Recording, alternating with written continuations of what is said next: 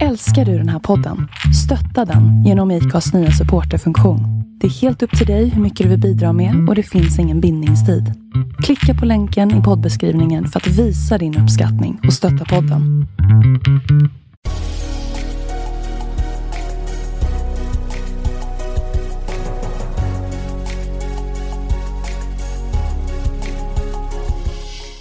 Välkomna till podden Vart är vi på väg? Med mig Jon Skoglund. Och med mig Jonathan Mellblom. I den här podden kommer vi intervjua framgångsrika sociala entreprenörer och experter inom ämnet socialt och impact entreprenörskap. Vi ger dig som lyssnare de bästa tipsen och den bästa inspirationen för hur man genom innovativa och entreprenöriella metoder kan hitta lösningar på samhällsutmaningar. Häng med!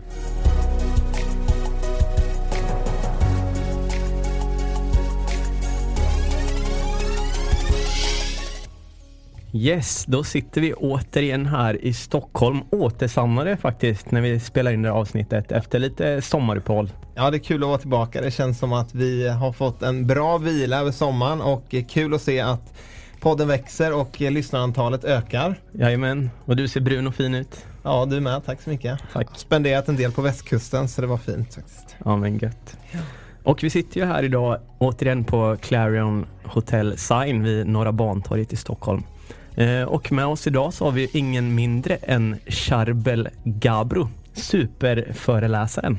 Absolut, och tillika våran vän. Ja, Kul att ha dig här. tack så jättemycket. Vilken ära att få vara här. Gick det bra att komma hit? Ja, det gjorde det. Jag fick böter på vägen.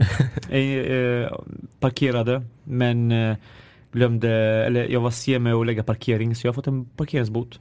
Ja, det blev ett dyrt besök här idag. Ja, men eh, den skickar jag till er, här, tänkte jag. Ja, Okej, kan- Jon eh, har cashen. Ja, Jon har Skicka cashen den till vår administratör sen.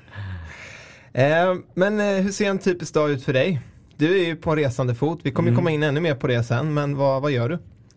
Nej, men jag, jag har inga vanliga dagar utan eh, ja, jag önskade att jag hade en, en typisk dag eller typisk vecka men det, det kan vara från att jag inte gör någonting till att, alltså jag sovmorgon och är jättelat till att jag ska upp klockan eh, 05.00 eh, och börja åka tåg, bil, buss, flyg eh, och stå på scen och, ge av mitt hjärta. Så det kan se väldigt annorlunda ut, gör det. Mm. Har du någonting för att eh, få dagarna att liksom fungera bra? Några, några grejer du alltid har med dig? Något träningsredskap eller du jag gör har, någonting? jag har nog köpt allt som går att köpa men jag använder ju ingenting. Av vare sig träningsredskap eller eh, ja, massage eh, grejer. Men, men eh, jag, jag försöker ändå hålla mig i okej fysisk form. Försöker ändå antingen jogga när jag, när jag är på resande fot eller göra lite styrketräningsövningar i, i hotellrummen. Men det är lätt att man glömmer bort sig själv och bara flyttar på och flyttar med saker och ting. Och det har jag fått känna av själv. Jag har haft lite, lite problem med ischias eh, Mm. från och till. Så att eh, ta hand om sin psykiska hälsa eh, är lika viktigt som den fysiska hälsan Mm. för mig. Eh, och idag är du ute och föreläser för fullt. Mm. Eh, berätta lite kort om det. Vi kommer komma in på det lite mer sen också. Mm. Nej, men vad, vad jag gör idag är att jag försöker skapa en interkulturell förståelse. För er, för er som är svenskar så försöker jag förklara hur är det att vara invandrare i Sverige. Och eh, då pratar jag om eh, hur vi lever, familjen och, att vi är beroende av varandra. Väldigt mycket gruppcentrerat.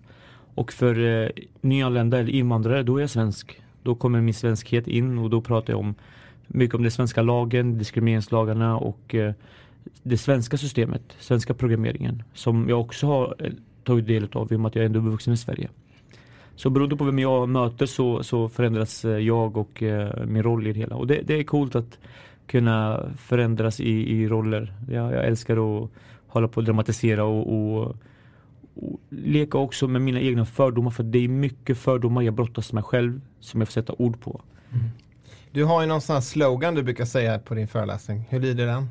Det jag brukar säga mynnar mycket ut i, i mina egna frågeställningar som har, som har gjort mig splittrad som liten och det är att eh, Syrien är mitt födelseland, Sverige är mitt uppväxtland. Men vart är mitt hemland? Just det. Vart är sådana som helst ham- hemland där vi inte känner oss vare sig helt svenskar eller helt syrianer eller att inte vi pratar svenska språket hundraprocentigt eller att jag inte kan arabiskan hundraprocentigt heller.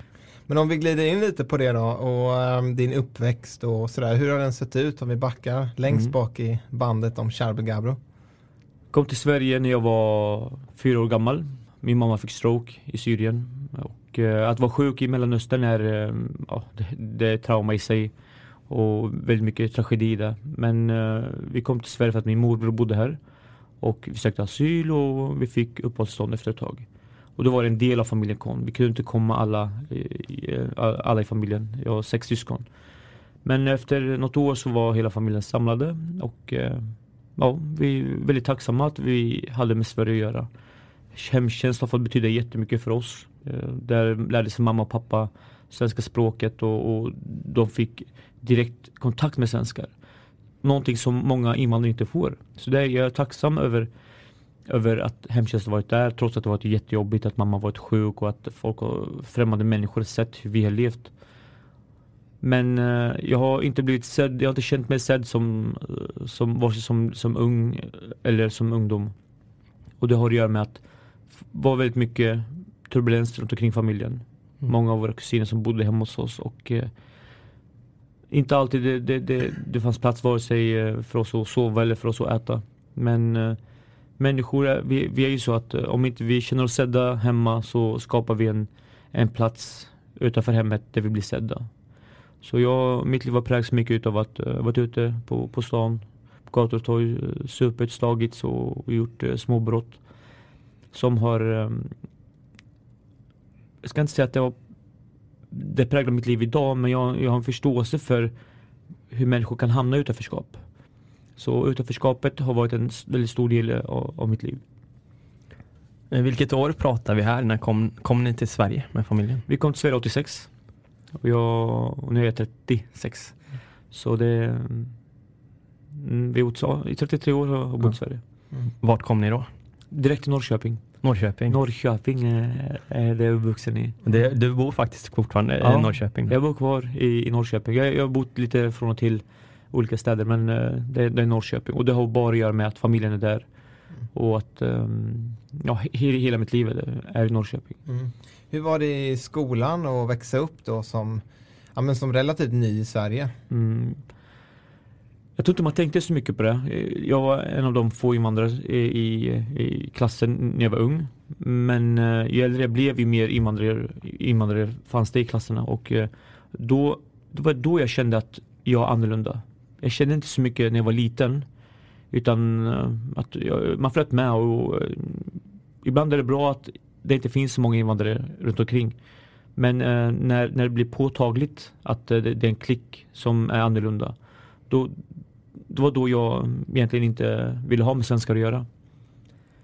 Och nej, det, det, var inte, det var inga bra betyg man fick och inte att jag är dum i huvudet eller inte är bra i skolan men, men jag, jag, jag prioriterade fotbollen och eh, kände att nej men skola är det inget för mig.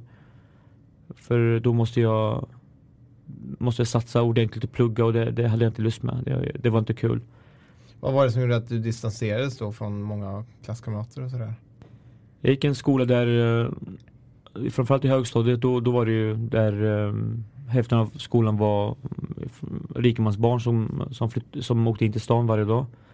Som var väldigt bra i skolan, hade bra ställt och allt. Och resten av gänget var vi från stan och uh, där det var helt andra förutsättningar. Många kom från dysfunktionella familjer och Nej, men jag kände, jag fick min roll i, i, i det destruktiva och uh, alltså man tar ju vilken roll man får oavsett om den är dålig eller, eller bra. Uh, och ibland blir man också som man umgås och jag ska inte skylla på mina barndomskompisar, absolut inte, jag älskar dem men, men vi var inte stöttande till varandra, inte konstruktivt i alla fall. Mm. Så någonstans det blir också en ond cirkel och att det, det, det, blir en grej av att man ska vara cool, man ska vara den som förstör och, och hittar på bus. Och inte för att man egentligen vill utan för att det var, det, det var den stämpel man, man hade på sig själv. Hur var det liksom när du var liten? Tog du en ledande roll när du hängde med dina polare? Nej, jag var tönten i värstinggänget. Var det, hur var du till växten? Var du stor? Eller? Nej, jag var jättekort och jag hade mittbena och eh, jag ska inte säga att jag var ful då, inte för att jag är så snygg nu men men nej, jag, jag var inte någon ledande någonstans i det och jag, jag var väldigt svag så jag har inte behövt använda mina knytnävar. Däremot så var jag som startade alla bråk.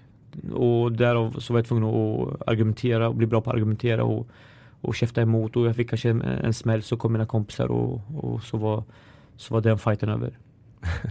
så återigen, olika, olika roller hela tiden. Och det, det är det här jag tror man behöver också prata väldigt mycket om. För oavsett vem vi är och vilken resa vi har gjort så har vi alltid tagit på oss en roll. En roll som vi kanske inte velat haft. Och idag när jag ser just den här tönten i värstinggänget. Det är den personen jag framförallt vill ge hela mitt hjärta till och åt för att jag ser ju den personen. Den, det är inte alltid den personen blir sedd utan det är oftast det som är störst eller det som bråkar mest eller som är mest destruktiv som, som blir sedd som kanske får hjälpen. Så trots att jag eh, inte var skötsam så var det ändå ingen som såg mig så mycket för att jag ställde inte till ett tillräckligt. Har att göra med rollen återigen. Hur mycket har familjen betytt för dig under din uppväxt? Nej, men familj, fam, min familj är mitt allt. Och det låter klyschigt, absolut. Men jag har ju fått så mycket trygghet i mitt liv. Och ändå så säger jag att jag inte blivit bekräftad. Alltså jag har fått en trygghet som kanske varit lite för mycket för mitt eget bästa. Men barnens behov eh, har inte funnits. Däremot så har jag alltid vetat att det finns alltid eh, någon hemma när jag går hem. Det finns alltid någon som skyddar mig. Alltså när det var bråk, när jag var yngre, då, ringde, då sprang jag upp och hämtade mina, mina systrar eller min bror eller kusiner som var hemma och då var det ju kaos på gården. Så det har alltid funnits en trygghet hemma någonstans. Däremot så kan jag inte säga att eh, familjen alltid har varit stöttande i, i mina karriärval. Det har de inte varit. Idag är de jättestolta över mig, men det är för att det går bra nu. Med, medans eh, i början när jag, när jag skulle inbilla mig börja föreläsa, då var det ju många av mina syskon, inte mina kusiner utan mina syskon, som var så skeptiska. Och det var ju för att de var rädda, rädda för mig och rädda om mig och ville mig väl. Och sa nej, det, det här ska du inte göra. Men, men absolut, väldigt mycket kärlek. Och du, eh, du höll ju på mycket med fotboll och kanske gör en del än idag. Eh, hur har den liksom spelat in roll i ditt liv och har den på något sätt hjälpt dig genom livet? Jag, jag går som fotbollsspelare, jag beter mig som en fotbollsspelare, jag tänker som en fotbollsspelare och fotboll är ju är mitt levnadssätt. Allt jag gör är kopplat till fotbollsplan, fotbollsplan. Oavsett om jag inte spelar elitfotboll längre men, men mitt sätt att, eh, alltså innan jag ska upp på scen, jag måste värma upp. Jag kan inte skjuta ett skott när jag är kall. Som ni såg, ni såg en del av min uppvärmning nu innan eh, själva podden. Så eh, fotbollen har präglat mig mer än någonting annat. Och eh, det var nog en av de platserna, den enda platsen egentligen som jag kunde få vara mig själv. Jag, jag fick applåder och jag fick, jag fick vara stjärna, jag fick vara någon som man räknade med. Och det är så tacksam i fotboll och jag har ju fått använda fotboll till ett medel att att göra skillnad i människors liv för att det fick göra skillnad i, i mitt liv. När jag behövde stöttning som allra mest. Mm. Hur har det varit liksom att eh, du säger fotbollen har präglat dig mycket och nu, du har ändå spelat på ganska hög nivå i fotboll mm. och eh, du är framgångsrik talare och allt eh, du sätter tänderna i går bra på något sätt. Är det någon drivkraft? Var har du fått den här drivkraften ja. ifrån? Nej men jag har inte fått någonting gratis. Ingenting har varit gratis. Jag har alltid varit tvungen att vara trippelt så bättre än, äh, än, än de spelarna i fotbollslaget. Och många säger så att eh, vi som har invandrarbakgrund behöver kämpa mycket, mycket mer. Och det är ingen offerkofta jag sätter på mig. Utan det, det, det är verkligheten. Och samma sak i mitt talande. Jag, jag nöjer mig inte med att vara bra. Alltså, ska jag göra någon sak, någonting, då, då ska jag göra av hela mitt hjärta. För det räckte, det räckte inte med att jag gjorde tre mål på en fotbollsmatch. Alltså hade jag läge, alltså döda mig själv för att få göra det fjärde målet. Och eh, gjorde jag inte det fjärde målet, ja det är klart man var besviken efter matchen. Oavsett om vi vann eller någonting. Och det, och, och det blir någonstans en drivkraft i att jag längtar till att göra ännu mer än vad jag har gjort. Och inte att jag har en prestationsångest. Nej, det, det har inte med, med någon ångest att göra utan det har att göra med att ska jag göra någonting då ska jag göra det fullt ut på riktigt. Och om inte jag är beredd att göra det, då ska jag inte göra det. Du ska inte stå på scen, du ska inte prata, du ska inte spela fotboll, du ska inte jobba med det jag jobbar med. Om inte jag vill göra det fullt ut av hela mitt hjärta. Och, det, och där någonstans har, gör nog så att oavsett vad jag gör så har det blivit bra. Kanske inte bäst, men, men det, har, det har ändå funkat och jag har sett resultat av, av det jag har gjort. Mm. Hur känns det för dig när du känner att ditt hjärta går igång på någonting, att du vill göra någonting? Hur, och gå all in då för det. Hur märker du det? Nej, men det är då jag gör någonting. För om inte mitt hjärta går igång, då gör jag, jag gör inte det. Jag, jag är väldigt lat där jag och lite eh, att jag, det låter kanske som att det, det går inte ihop med det, det, mitt levnadssätt och så men jag, jag kan ju känna ibland när jag får en tanke Wow, det här vill jag göra. Och jag kommer ihåg en, en natt då jag tänkte hur ska jag göra skillnad i människors liv? Då jobbade jag med unga killar som, som levde utanför och då tänkte jag varför inte starta ett fotbollslag? Och alltså jag kommer ihåg än idag hur, hur, hur pulsen steg och uh, hur, hur hjärtat bara slog och uh, efter en månad så hade vi startat det här fotbollslaget. Och uh, det är därför jag säger att när jag ska göra någonting, då, då det känns. Mm. Och det är inte bara att jag går på känslor bara. Det är klart man måste tänka och ha en strategi bakom saker och ting. Men, men det är inte alltid jag gör det jag kanske borde göra för att jag det känns inte tillräckligt. Så för dig är det väldigt viktigt att ha liksom, eh, så att säga, ett mål och en dröm och en vision innan du bygger en plan kring det. Liksom. Det är väldigt viktigt för dig att du drivs av det. Liksom. Ja. Nej, jag, har, jag har inte haft så många planer kring saker och ting. utan eh, utan jag, jag, jag har bara kört på och sen så blir det som det blir och det brukar oftast bli bra alltså. Och eh, nu handlar det inte om att jag ska höja upp mig själv. Jag tror att vi människor behöver tänka mer prestigelöst och eh, tas mer på mindre allvar och eh, tänka att det, det, gör inget om inte det blir jättebra. Det är bättre att det blir någonting än att det inte blir någonting alls. Och sen när vi väl gör någonting, då, då, då, går jag hela hjärtat. Och det är då jag tror människor också blir påverkade när de ser min drivkraft och när de ser min glöd. Och på så sätt så har jag fått med mig ändå folk som har eh, varit med i de projekt jag har gjort och, och och på så sätt så, så blir det bra. Vi känner ju varandra sedan tidigare och mm. eh, här fotbollen har ju varit något som har hjälpt dig bort ifrån gatan om man säger, mm. bort ifrån de destruktiva bitarna. Eh, kan du berätta lite mer om det och hur det liksom tog, eh, tog plats i ditt liv under ja, tonåren och, och, och, och vidare där? Nej, då behöver jag jämföra mitt liv med mina vänners liv där vissa har suttit inne, vissa, vissa är inte vid liv idag. Det har att göra med att jag har haft min fotboll alltid min fotboll. Trots att livet var struligt både hemma och utanför.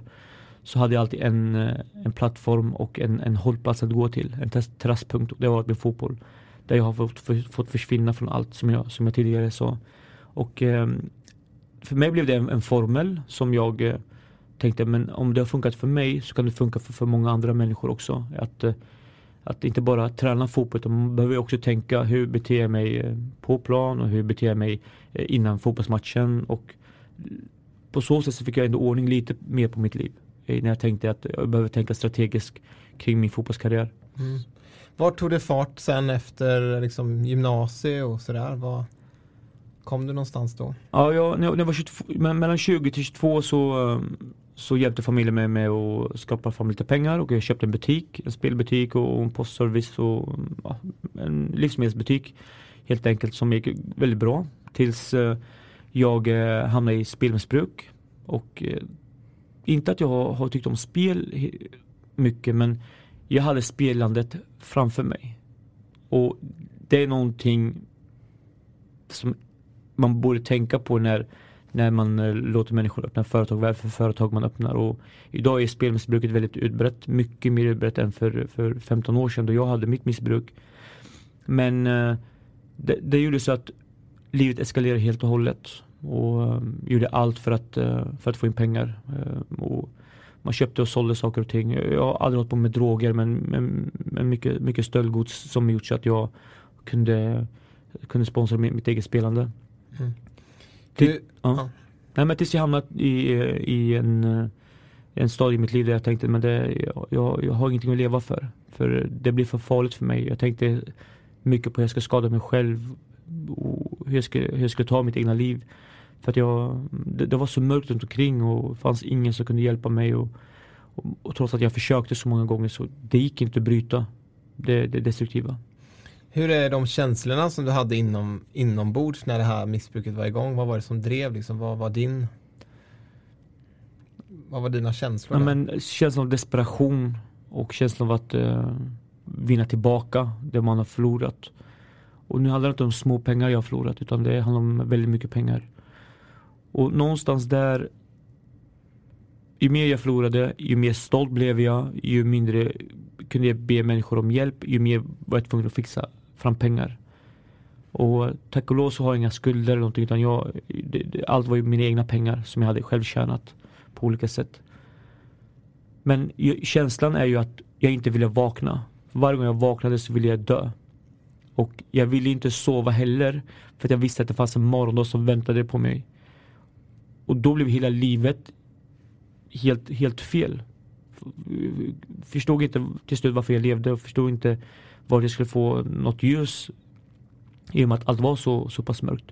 Och det här var ju känslor jag, jag satte inte ord på det. Jag visste inte. Däremot visste jag att det var något som var helt fel och kaos och galet. Idag som vuxen kan jag sätta ord på saker och ting. Någonting som jag hade behövt då, som jag i, idag kan göra. Mm. Har du kunnat hjälpa andra ifrån liknande situation?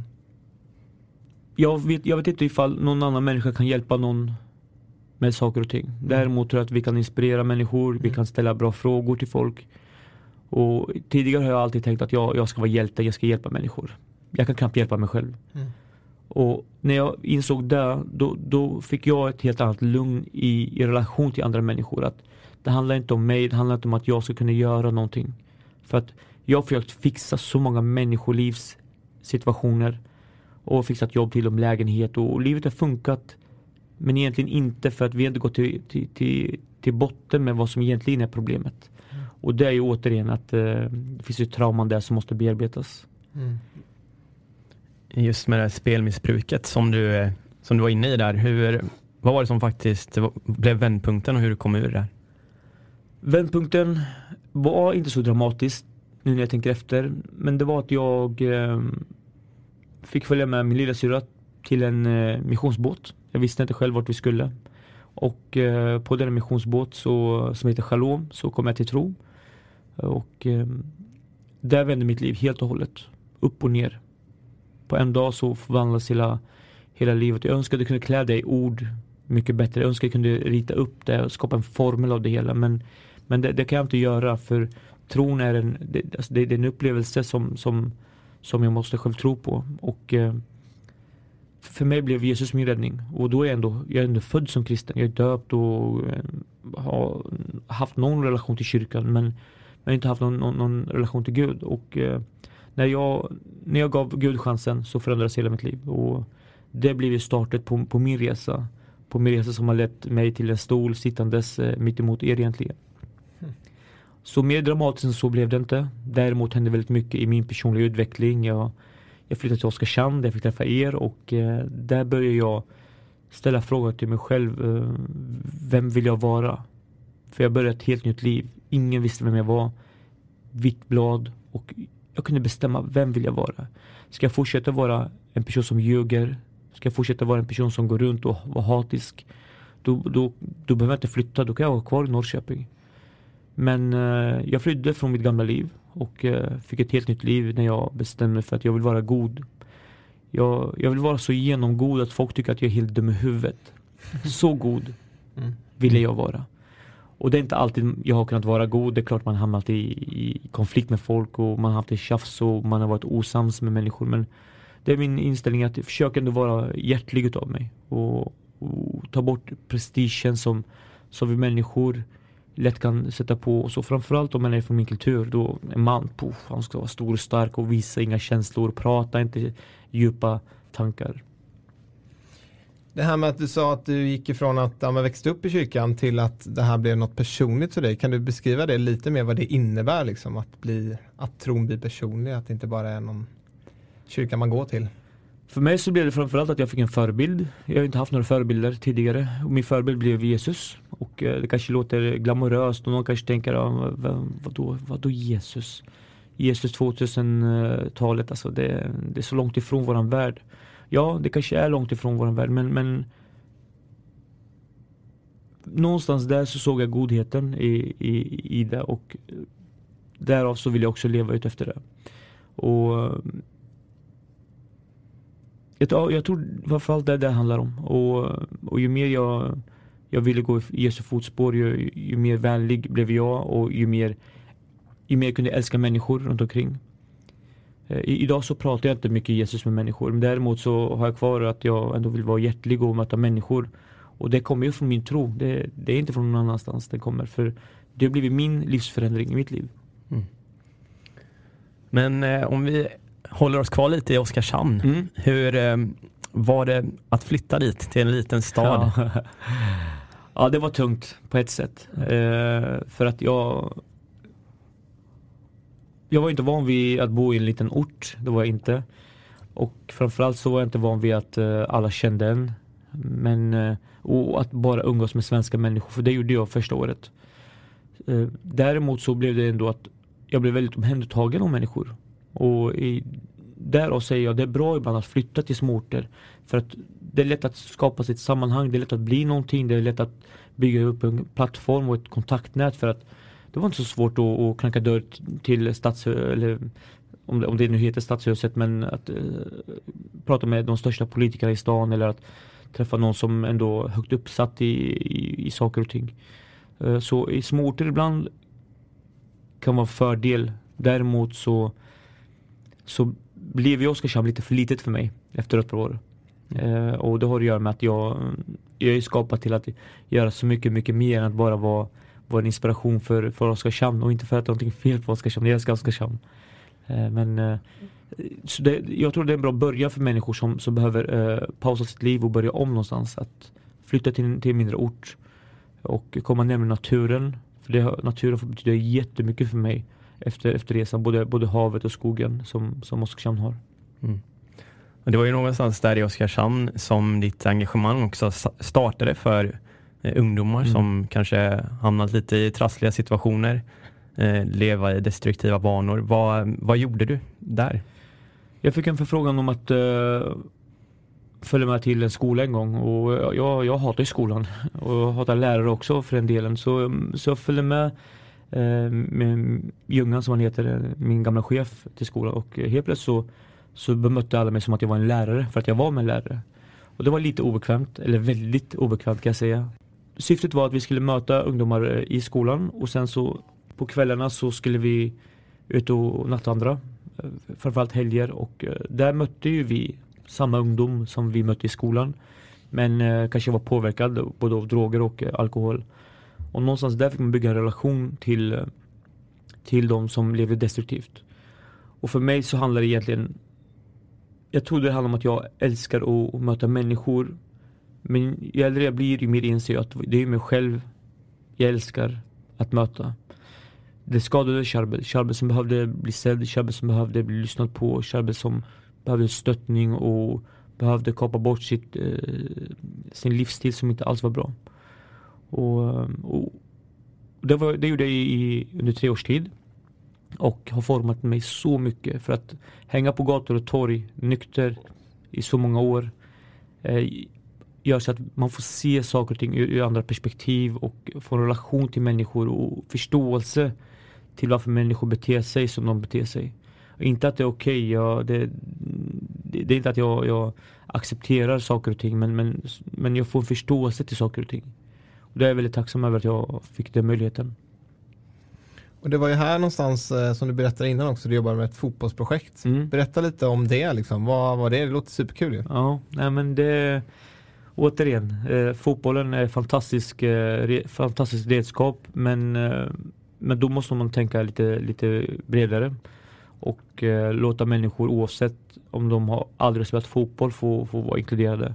Så vad jag gjorde var att jag tog, eh, jag, jag, tog två olika världar och, och lät dem mötas. Eh, halva laget från, var från gatan som jag brukar säga. Och halva laget var ungdomar som, som, levde, på ett, alltså som levde konstruktivt. Folk kanske från kyrkan eller människor som hade föräldrar som hade det bra ställt. Och där fick två världar mötas. Världar som egentligen inte ens vågade titta på varandra. Och eh, det är nog det, det finaste jag fått göra. Och för att jag fortfarande fått se resultat av det hela. Ni två är en del av, av det resultatet och eh, så många andra där, jag fått se att det, det, har gått bra. Och då tänker inte jag att det är tack vare mig. Däremot så tror jag ändå att jag har fått öppna upp många människors fördomar för att eh, det, det, det, handlar om att våga möta någon som inte är som mig och som kanske inte finns i, i, i, i min atmosfär. och där, där skapades det här fotbollslaget till för att människor ska våga mötas på riktigt. Mm. Som du säger så var ju jag och Jon också en del av laget ja. där vi prenumererade ofta på varsin ytterbacksplats ja. eh, där. Precis, det var mycket tjonga iväg bollarna ja. och ja, det var kul var det. Ja. Eh, och jag kan verkligen vittna om det, eller liksom som du säger det här med att det har förändrat en syn för för idag jobbar jag ju också en del med integration och sådär här i Stockholm och, och det har ju verkligen mm, det har verkligen hjälpt mig att, att se människor med andra bakgrunder för den de är eh, och inte liksom mm. paketera. Och det är ju ett levande bevis på att eh, arbetet där ja. har betytt någonting. Wow. Eh, det, mm. det, kan jag verkligen säga. Mm. Jag tycker också är så häftigt just det här med att man kan få använda och göra det som man älskar och brinner för. Ja. Du med fotbollen ja. och med din bakgrund liksom att du kan möta, kunde möta de här ungdomarna. Eh, och det är ju verkligen tipset. Ja, verkligen. Om man vill engagera sig, att göra det där du ja. har ditt hjärta. Gör det med det du brinner för. Ja. Mm. För det var det många sa till mig, men Oskarshamn det, det är en hockeystad, alltså vadå fotboll? Och bara, men jag, jag kan inte hockey, jag, jag kan inte åka skridskor, jag, jag vet ingenting om sånt. Däremot, precis som du säger Jonathan, att uh, kolla vad, vad, man är bra på. Det man är bra på kan man skapa så mycket nytta för människor. Det handlar inte om, om business, det handlar inte om, om pengar eller karriär eller något sånt. Det handlar om att ge tillbaks, för jag har fått. Det är så hela mitt levnadssätt är idag. Det jag har fått, det vill jag ge. Och om det, om det är på bästa sättet så gör jag det på mitt sätt i alla fall. Mm. Men där i Oskarshamn, det var framgångsrika projekt med Shalom Fält som du berättade om ute på gatan och fotbollslaget. Mm. Men sen bröt du upp från Oskarshamn mm. och vad hände då? Nej, men sen flyttade jag tillbaka till Norrköping. Jag började plugga teologi. Jag skulle bli pastor egentligen. Och eh, blev för jobbigt att jobba 100% och plugga 100% så vad jag gjorde var att jag flyttade tillbaka och och pendlade till Jönköping ett tag. Tills jag insåg att eh, jag passar inte in i kyrkans värld. Låter kanske lite tråkigt och, och tragiskt och så men jag är inte uppvuxen i kyrkan. Jag är uppvuxen på gator och torg.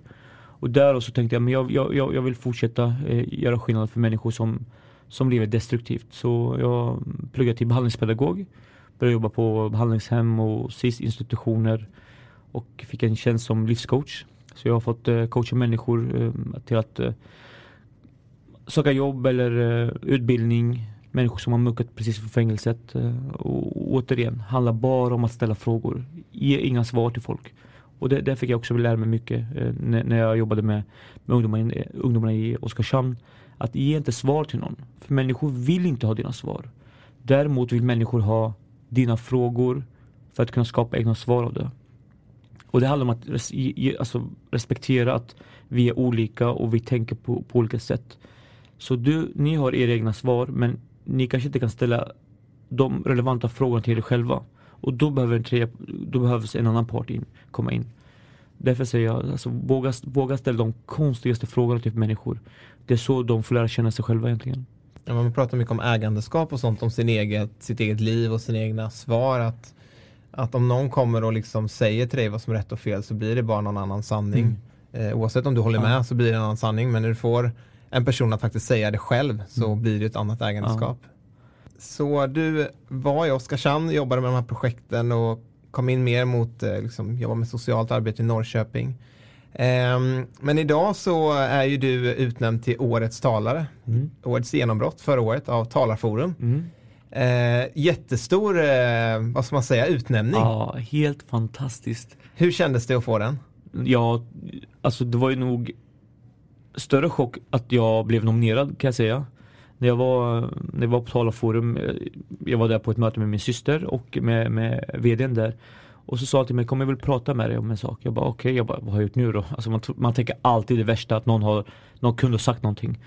Och så berättade han om att vi har en gala snart och uh, då tänkte jag, okej okay, behöver du hjälp med något eller? Han bara, nej men uh, och du är nominerad i en av kategorierna. Jag bara, inom vad?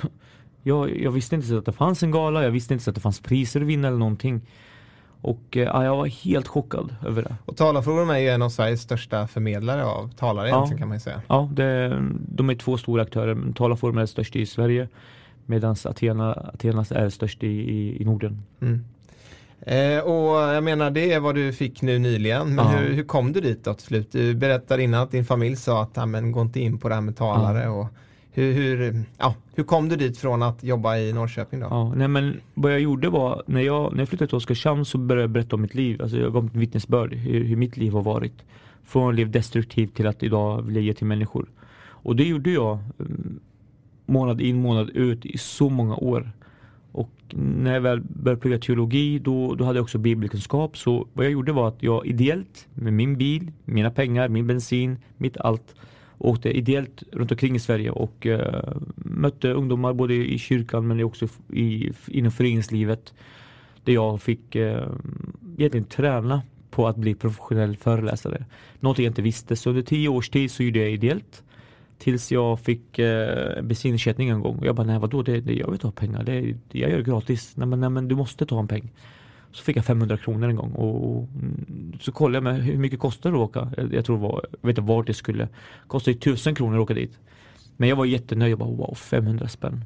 En annan gång fick jag eh, ett arvode. Jag bara vad är arvode för någonting? Jag, jag vet inte vad, vad det innebär. På typ 1500 kronor.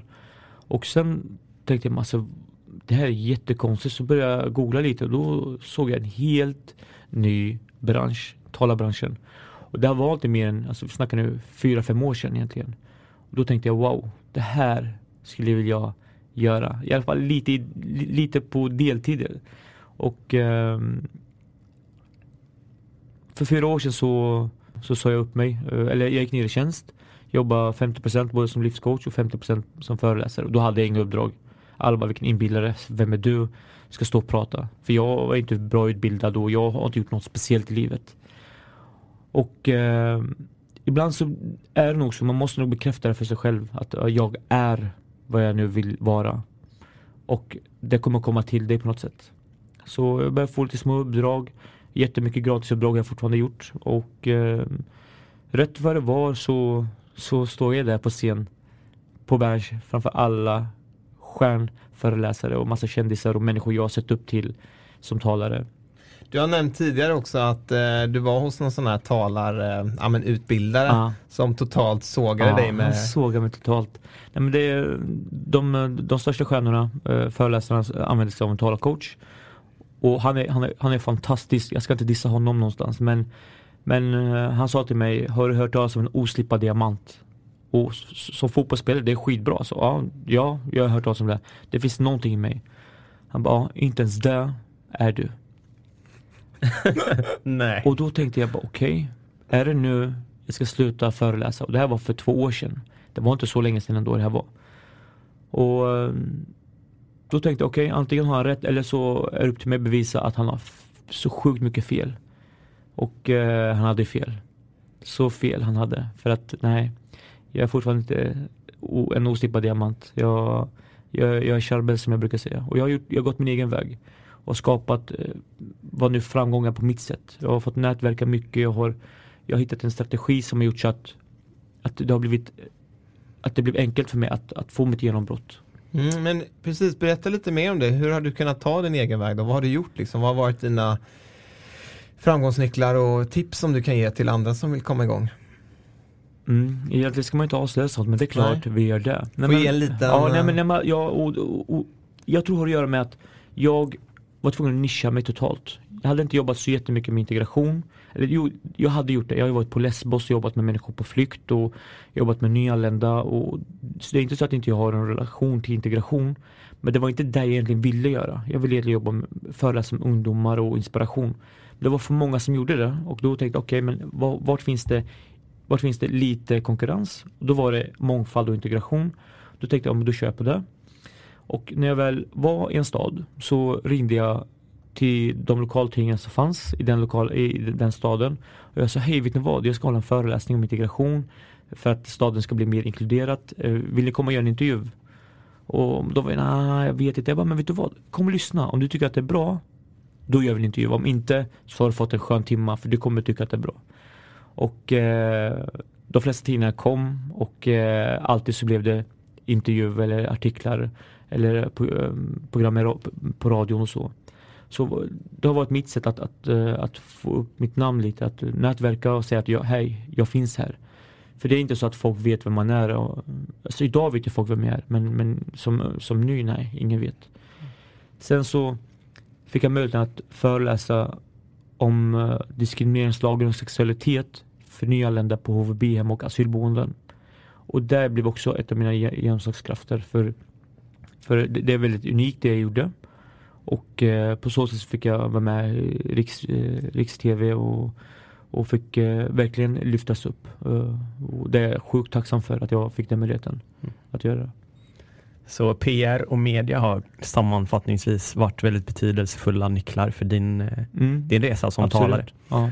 Du är lite integrationsexpert, även om du inte säger det själv. Eh, och Lesbos, du var där. Mm. Eh, när då? Varför? Hur?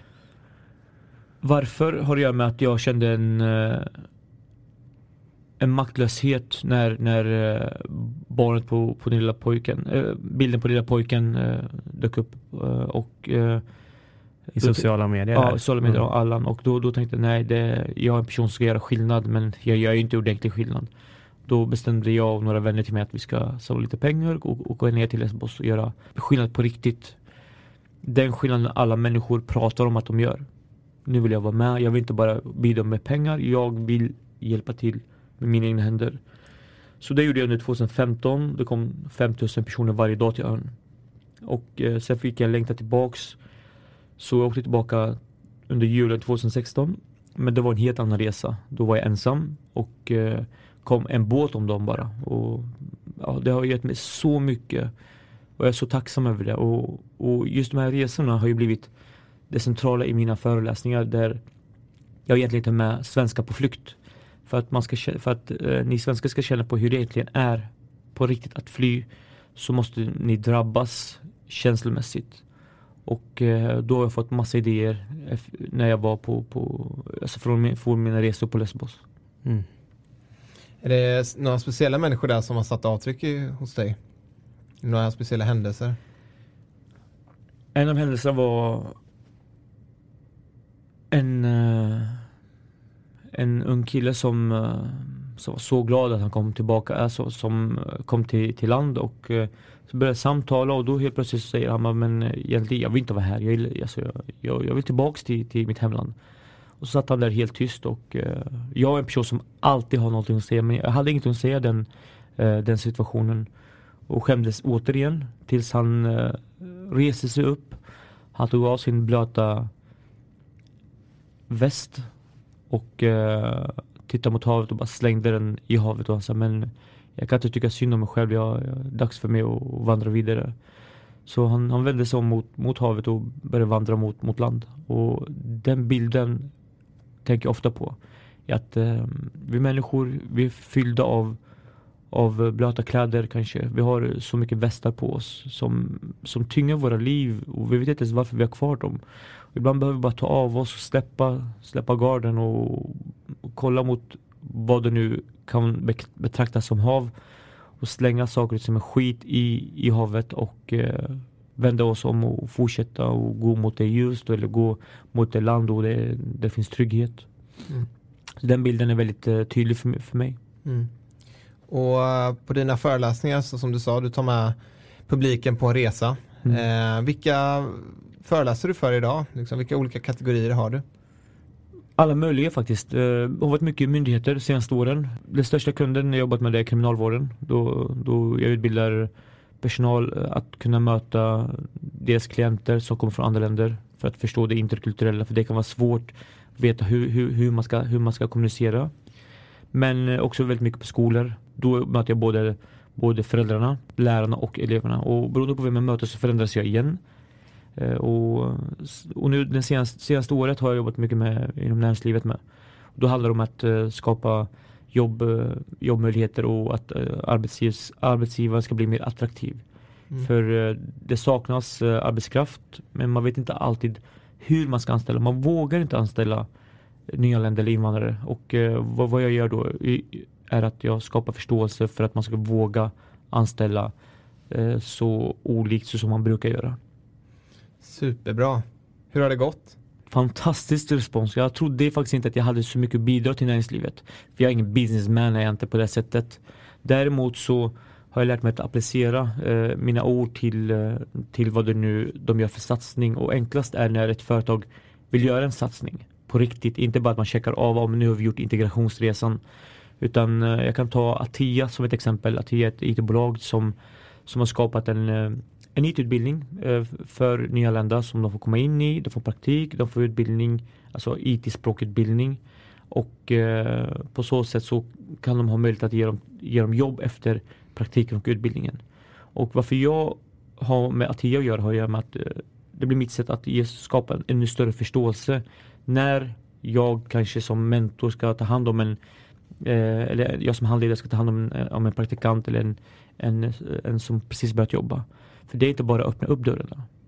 Och Det är inte bara att anställa utan jag tror man, det är viktigt att man har rätt verktyg för att kunna göra anställningen så pass bra som möjligt. Och det är vad vi försöker göra. Mm. Vi pratar ju om det i den här podden just med socialt entreprenörskap och, och många har ju varit inne på det och man kan läsa mycket forskning eller liksom många undersökningar som har gjorts att idag så räcker det inte bara att företag just bockar av den här integrationsdelen mm. eller den här miljödelen, att nu tar vi hand om miljön genom att göra det här, så har vi bockat av det. Eller man anställer en som är CSR-ansvarig. Utan många pratar ju mer om idag att det handlar om att hela företaget mm. måste ta det ansvaret. Att för, mm. som företag måste du stå för mm. de här bitarna och jobba med det i hela organisationen. Är det någonting som du märker faktiskt är en verklighet där ute? Mm. Du som träffar de olika cheferna och företagen. Ja, men jag, jag träffar både, både och faktiskt. Många där där jag har blivit använd som, som en checkpoint. Och jag har blivit, jag är ju alltid glad att få ett uppdrag. Men ju, ju, ju mer jag håller på med det här, ju mer inser jag vem, vem kunden faktiskt är som använder mig som, som, en, som en checklista. Och eh, idag har jag faktiskt möjlighet att kunna säga eh, tack, men nej tack till, till vissa uppdrag. Medan när jag ser vissa satsningar som görs så så vill jag vara med i, i längre utsträckning än bara en föreläsning. Och jag tror det, det, det, nya är precis som du säger att man vill göra någonting på riktigt. För, för det handlar också om, om kompetensförsörjning med. I och med att det saknas, det kommer saknas väldigt mycket arbetskraft så småningom. Och hur ska man få det? Jo, bästa sättet är att göra integration på riktigt. Och då, har man, då har man människor direkt till sig istället för att vända sig till till rekryteringsfirmor som inte heller vet hur, hur man ska rekrytera alla gånger.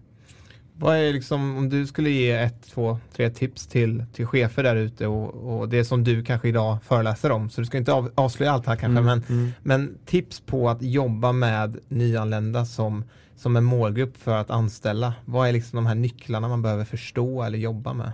Jag tror man behöver tänka som ett, tänka ett team och inte att chefen eh, gör det själv utan att eh, ha med medarbetare för jag har träffat på fantastiska chefer eller medarbetare som brinner för frågan. Men de brinner lite för mycket och man har gått lite för långt och inte fått med sig gänget och då blir det två gäng, två, det blir en motpol till, till det som är väldigt drivande och öppen för, för inkludering. Däremot tänker jag att man behöver pausa och inte anställa direkt utan man behöver jobba internt först med frågan. Och, och, och nu du pratar, det är utbildning jag pratar om och, och förståelse. För när man väl har förstått det, då vet man också vilka behov som, som man behöver eh, skapa för, för de som mm. ska komma in. Så det är inte, jag, jag säger inte att det är bara att, öppna upp och anställa. Absolut inte. En plan behövs samtidigt som att eh, det går ibland att skapa enkla jobb. Jag tar kriminalvården återigen som, som ett fantastiskt exempel där, där eh, man, hade, man har kollat på vilka tjänster är inte kopplade till tjänstemannauppdraget. Och eh, helt plötsligt har man tio uppgifter som en, en, eh, en, en nyanländ faktiskt kan göra. Som inte är kopplad till sekretess. Helt plötsligt har man skapat en, eh, en tjänst och eh, snackar då om att man gör samhällsnytta. Verket går bättre, det går snabbare samtidigt som en, en mindre person är bidragstagare. Utan helt plötsligt är man skattebetalare. Det är när man försöker kolla internt. Hur ser våra arbetsuppgifter ut? Och, och, och just den, den, modellen är det många fler företag som jobbar eh, därefter också. Mm.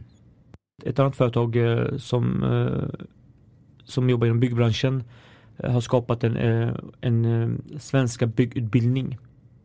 Man, man, man, man jobbar, man går sin praktik, man lär sig bygg, byggsnacket och på så sätt så, så formar man egna byggarbetare till sin verksamhet, sina värdeord men också att man, man tänker inkluderande, man, man jobbar med, med mentorskap och, och, och handledarskap och återigen det handlar om att börja tänka lite större än bara vad jag behöver idag. Utan vad kan jag få imorgon när jag skapar en förutsättning idag till, till, till människor som inte behärskar, behärskar svenska språket. Vad är på gång här framöver då för Charbel Gabro? Mm. Egentligen inte så mycket förutom att jag ska fortsätta ånga på som jag gjort. Mm. Om man mm. tänker tre år framåt? Oj. Vad är din drömbild? Min drömbild är att uh, mitt yrke inte behövs. Att jag inte behöver prata om integration.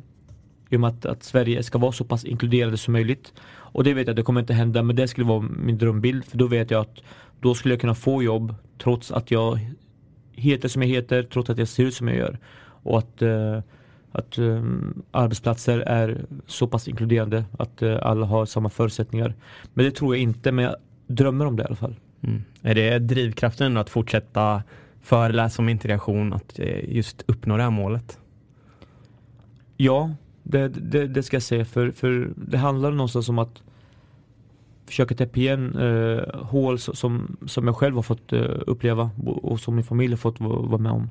Mm. Och eh, jag vet att eh, den första tiden så handlade det om att eh, lösa det, det, det, akuta med bostäder och med, med, med pengar. Men nu, nu har folk kommit in, folk har lärt sig svenska och folk vill ut. Men den här bron mellan finns inte. Och där också behövs eh, verktyget att utbilda människor i, i interkulturell förståelse. Grymt. Om, om man kollar runt omkring sig här i Stockholm och vart mm. man än eh, kommer i Sverige i storstäder så möter man ju ofta utmaningar på integrationsområdet där det också finns extremt stora möjligheter. Mm. Eh, men just om vi kollar i Sverige eh, och utmaningar som vi står inför. Hur eh, ser du på framtiden där? Kommer vi att ha löst det här på kort och lång sikt? Kort sikt nej. För det har att göra med att eh, alltså integration är inte egentligen bara politiskt. Integration är personligt för mig och, mig och er också. Är, däremot så går jag tillbaka lite till, till, till det, det politiska. Att eh, Vi behöver vara tydliga med saker och ting. Vi behöver vara tydliga med svenska lagen, behöver vara tydliga med vad som gäller när man kommer till Sverige. Och uh, på så sätt så, så kommer vi människor kunna förstå vart, vart vi är ense om och, och vart, vart vår uh, skyldighet också ligger. Inte bara våra rättigheter. I våra länder, och när jag säger våra länder, då är det, då är det inte bara Syrien, utan jag pratar om många länder, alltså Mellanöstern och Afrika. D där har vi inte haft några rättigheter. Vi har bara haft skyldigheter. Så kommer vi till Sverige och så tänker jag, vänta nu, nu, nu har jag helt plötsligt rättigheter och glömmer bort mina skyldigheter. Som vi inte är tydliga med att, att, att diskutera och prata. Och det är där jag önskar mer att hela Sverige gör. Prata mer om, om, om vad som gäller utan att vara rädd för att bli kallad för rasist eller islamofob. För om inte vi gör det så blir det också svårt på lång sikt att lösa integrationsfrågan. För det, det är det också nog många människor eh, är delade i att, eh, att eh, många som mig kommer hit och bara tar för sig och, och styr och ställer som man vill. Men det är inte så utan man vet inte hur, hur, hur man ska leva här i Sverige. Mm. Hur kan man bemöta det då? Jag tror det handlar om att våga lyfta, våga lyfta frågan och prata om det. Och framförallt våga prata om jobbiga frågor som hederskontext eller våga prata om diskrimineringslagen och prata om, om hur lagarna skiljer sig i Sverige kontra andra länder. Och gör vi inte det, då, då kommer det bli en rädsla som, som, som skapas. Och rädsla skapar oro för mig, oro för den som inte är som mig. Och rädsla, oro, fördomar, fördomar i sig gör så att jag kommer hata er. Vad ser du ändå för positiva tendenser om man säger på tio års sikt? Kommer vi ha löst många utmaningar som vi står inför idag? Det tror jag också faktiskt. Och det handlar framförallt om att eh, många människor som har kommit till Sverige eh, är ändå utbildade från hemlandet. Bara det har Sverige sparat så mycket skattepengar på. Eh, och, men, men alla de har inte börjat jobba. Däremot eh, inom 5-10 år så kommer många av de som var välutbildade har börjat jobba. Kanske inte som, som läkare som de gjorde i hemlandet men de kommer kunna få, få jobb och på så sätt så kommer Sverige må mycket bättre än vad det gör i, idag. Men då, återigen, då handlar det om att skapa förutsättningar till, till, till att det ska funka. Eh, du är ju engagerad just i eh, det här med integration som du har på ditt hjärta. Eh, om man kollar på andra samhällsutmaningar som vi står inför, är det något annat som du liksom bryr dig om eller liksom känner extra för? Alltså integrationsdelar har tagit hela mitt liv egentligen men jag, alltså jag älskar ju att jobba med ungdomar. Ehm, och framförallt ungdomar som är i utanförskap och det behöver inte bara handla om invandrare. Ehm, men på senare år så har jag också tänkt mycket kring eh, kvinnans roll i, i det hela och det har att göra med att jag har fem systrar har jag och eh, de har haft förmånen att, eh, att få leva väldigt fritt trots att vi är från Mellanöstern. Och de har utbildat sig och fått välja sin partner men jag ser så många unga flickor som inte får välja någonting. Och som är så begränsade och som som inte får vara de de är skapta till att vara. Och där hade jag önskat att, att uh, samhället på riktigt gjorde skillnad för, för de unga tjejerna. Och jag är inte den som jag, jag har inte knappt jobbat med tjejer. Men, men jag, jag ser att det, det, det, den, det finns en avsaknad av det. Men nu vet jag mer och mer organisationer eh, ploppar upp för att stärka de, den, den målgruppen. Mm. Det är något som är ganska dolt egentligen, som inte, ja. som inte syns så mycket. Mm. Som andra problem som vi stöter på. Ja. Men vad grymt att det ändå kommer nya initiativ ja. som försöker tackla detta. Ja, verkligen. Mm. Om vi går in lite för landning här i vårt samtal så, så brukar vi alltid sluta med så här tips liksom, som du har till, till oss och till lyssnarna där ute. Eh, och vi var inne lite innan på så här, men hur du har kämpat dig fram som föreläsare. Från att eh, inte vara trodd eller betrodd att kunna lyckas så har du kämpat dig hårt. Du jobbar mycket med liksom, tidningar och radio eh, och sådär. Eh, vad har du för tips till någon som vill börja föreläsa idag? Om man börjar kring liksom att bygga en föreläsning, att lära sig stå på scen och bygga ett eh, innehållsrikt och intressant material. Jag tror det handlar om att eh, hitta sin grej sin story, budskap där man eh, själv skulle vilja lyssna till. Och inte något klyschigt. För klysch, det är så många som, som, som klyschar idag. Vi behöver inte en klyschare till. Alltså, så, så, tänker jag. Och sen handlar det också om något om att uh, det måste vara relevant, uh, måste ha en koppling till, till nutid att göra. Skulle jag börja med integration idag så hade det inte gått lika bra för mig. Hade jag börjat för tio år sedan hade det inte gått lika bra för mig. Utan jag, jag tajmar ju verkligen in uh, i vad som hände i Sverige. Eh, men, men framförallt så handlar det om att eh, alltså bjussa på sig själv. Och när jag har byggt min föreläsning då har, jag, då har jag gjort det i samtal med människor. Typ så här, Jon, vad tänker du om det här när, när familjen har kommit till Sverige? Och, och, och, i dialogen så, så märker jag om någon går igång eller inte på det jag säger. Och då kan jag, okej, okay, det, här, det här verkar folk gilla. Och det, det testar jag på, ett, på många av mina nära och kära framförallt. Och de vet ju inte vad det handlar om. De tänker nu, nu är det dialog som vanligt. Och då har jag fått skapat lite, lite föreläsningsmaterial.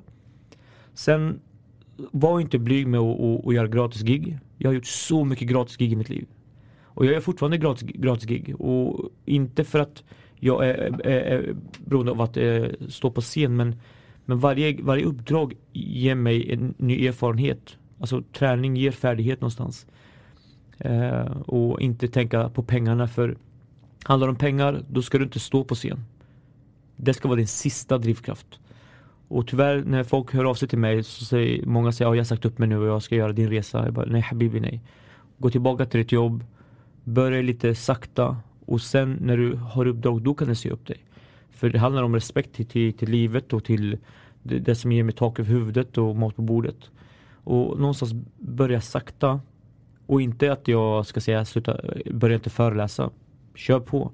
Om det är din dröm, gör det. Men jag tror man behöver tänka lite strategiskt också. Jag gjorde inte det. Jag önskade att jag hade gjort det. Då hade det gått kanske mycket snabbare för mig. Men, men att inte bara Alltså, det måste finnas en trygghet för annars kommer man vara desperat för att bara vilja lyckas. Och, och, och, jag tror inte vi människor mår bra av att vara desperata. Vi behöver lite, lite grundtrygghet när vi börjar en ny verksamhet det här med att då hitta sin story som du sa. Hur har du liksom jobbat med att få fram en tydlig bild av vem du är och liksom olika delar i livet eh, som du kan använda? Vi har massa storyn inom oss själva. Som inte, vi fattar ju inte att vi är jätteintressanta att folk egentligen vill lyssna på oss och att grejer hänt oss. Så en av mina tips som jag själv har fått är att uh, jag skriver ner storyn som hänt mig. Och det kan vara typ när jag var liten, det kan vara när jag kom hit eller när, när, när jag började göra en sak eller när jag träffade en person två gånger. Alltså, det kan, ingen röd tråd utan varje story är en story i sig. Och sen så märker man vilken story som är, som är berörd. som man blir berörd av och vilken story som inte har eh, någon content i. Och de storyn tar man bort men vi är fyllda av så många berättelser är vi. Um, och man tänker inte på det men, men det som har tänkt att börja föreläsa, tänk på vad har du för story? Börja skriva ner några. Du behöver inte vara jättedetaljerad i början men alltså börja ändå med, med, med att skriva några, några berättelser. Så vi brukar också ställa fråga till alla våra gäster på ja, men olika sociala företag eller inspirerande personer som du ser jobbar med något väldigt intressant eller organisationer helt enkelt. Mm. Har du något tips till, till lyssnarna där ute? Självklart har vi någon som har koppling till en själv så är det ju nog. Och jag tänker framförallt på eh, en organisation som heter Ung Drive som eh, jobbar under sommaren med, med sommarentreprenörer eh, i, i, samarbete med kommun och eh, lite andra eh, extra eh, företag. Och syftet är att eh, man, man ger en liten peng till, eh, till eleverna, eller till ungdomarna. Det, då är det mellan högstadiet och eh, gymnasieungdomar. Som i två veckor får, får gå en kurs som handlar om entreprenörskap och eh, hur, hur man ska bli en företagare. Men egentligen handlar det inte om det. Det handlar bara om att peppa dem och ge så mycket kärlek och uppmuntran till att våga vara dig själv. Och, och det, det, är något jag själv fått tagit del av och fått vara med och inspirera under flera års tid. Och det, jag har sett så fantastiska storyn där människor har gjort alltså bra affärsidéer men framförallt så har de fått växa som människor. Och det är egentligen hela affärsidén. Väx som, eh, som eh, entreprenör men då växer, växer också som person. Finns det något sätt man kan engagera sig i det här? Ja, bästa sättet är nog att, uh, att ta kontakt med, med, med dem och en av mina kontakter är ju, han heter Staffan Taylor, en, en vän till mig och en, en talarkollega. Eftersom att vi har lite integrationsspecial här idag så har du något integrationstips till gemene man där ute som lyssnar? Mm. En av mina tips är egentligen en fråga, ett test man kan göra på sig själv. Om man nu vågar, om man nu vill. Man, alltså man behöver inte göra någonting i livet men, men frågan lyder så här. Kolla på hur din bekantkrets ser ut. Om din bekantkrets ser ut så som du själv ser ut. Om du är blond, blå ögon och eh, etnisk svensk, då är du katastrof på att inkludera människor. Men om eh, din bekantkrets ser eh, annorlunda ut, ditt utseende, Grattis, du är väldigt bra på att inkludera människor. Och det är väldigt tydligt för att vårt levnadssätt präglar också vårt sätt att tänka, vårt sätt att arbeta, vårt sätt att öppna upp för människor och vårt sätt att stänga dörrar för människor. Och lite provocerande tanke kanske men, men jag går tillbaka till mig själv. Det är inte alltid haft svenska människor runt omkring mig. Men när jag började öppna upp för, för svenskar eh, på riktigt, det är då jag har fått en helt annan utveckling i mitt liv men också nått en framgång som jag aldrig hade kunnat nå med hjälp av mina eh, syrianska bröder. Det, det hade inte funkat. Mm. Ja, det där är bra. Eh, sista frågan. Eh, vem skulle du vilja se här bli intervjuad? Vart är vi på väg? Jag har ju så många människor jag tänker på. Eh, Staffan Taylor, en person. Eh, Annie en, en, en, kvinna som har gjort en, en, en karriär inom eh, motorvärlden. Som kvinna, fantastisk människa. Eh, jag känner ju så många coola människor. Som, alltså, det så, jag säger det, så många skulle tänka mig borde komma hit. Eh, en kvinna som blev årets VD, hon heter Sofie Fransén som äger Äventyr. Magisk kvinna. Aldrig sett en så skarp människa i hur man kommunicerar med människor. Så de tre tänker jag på framförallt men eh, jag skulle få hundra personer om ni faktiskt vill ha många att intervjua. Ja men tack så jättemycket Charbel och så kul att ha haft dig med idag. Ja tack själv och så fantastiskt att se hur grymma ni har växt upp faktiskt, det måste jag säga. Kul att höra. Tack tjejer. Eh, du får ha det så bra framöver och lycka till med allt i, i livet. Tack. Tack så mycket för att du har lyssnat på dagens avsnitt. Glöm inte bort att följa oss i sociala medier. Vi finns på Facebook, Instagram och LinkedIn och även vår hemsida vartarvipavag.org. Och om du har möjlighet får du jättegärna gå in och ratea våran podd på iTunes. Yes, och för dig som vill ta del av podden ytterligare så tycker jag att du ska gå in och signa upp dig för vårt nyhetsbrev där du varje vecka får en liten kort resumé av avsnittet men också de bästa tipsen och de bästa insikterna från gästen som vi har haft med oss. Eh, så om du har varit ute på språng och inte haft möjlighet att anteckna något så gör det ingenting utan du får det på ett mail veckovis. En riktigt bra deal helt enkelt. Så se till att signa upp dig så fort som möjligt så ses vi nästa vecka igen.